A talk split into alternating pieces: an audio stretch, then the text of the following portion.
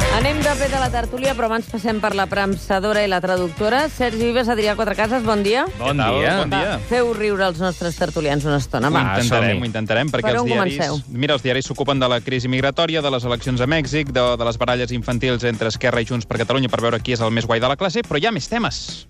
El País explica avui en pàgines interiors que algunes comunitats autònomes volen portar el cafè per a tots a la selectivitat. El primer esborrany que va pensar fer al diari era claríssim. La CL 1 i no 51. Sí, però el que hem acabat llegint aquest matí al diari és això altre. Castilla y León propone un examen único para toda España. Vindria a ser una mica el mateix. Una mica, aquesta és la cosa. Sí.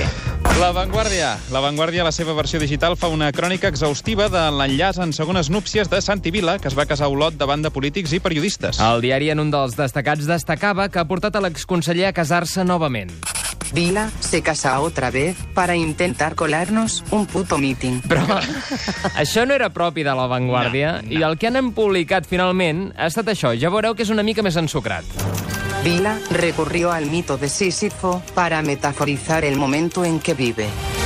Intentará volver a subir la piedra a lo alto de la cumbre mientras recibe agradecido las nuevas oportunidades que le regalen los dioses que juegan con nosotros. Destacat que hem llegit a la versió online de la Vanguardia d'avui. Això? Literal, eh? Això és literal. Ho dius de Literal. veritat? Això que acabem de sentir, ho- sense la música èpica, perquè clar, això és radiofònic, però sí, sí, fort, jo, no? això ho hem publicat.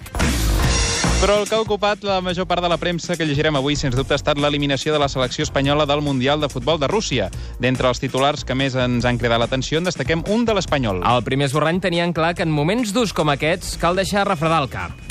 Tras el golpe anímico, se abre un periodo de reflexión y análisis. Però què coi, és molt més pràctic per descarregar la frustració tenir un bon cap de turc, així que han acabat posant aquest titular.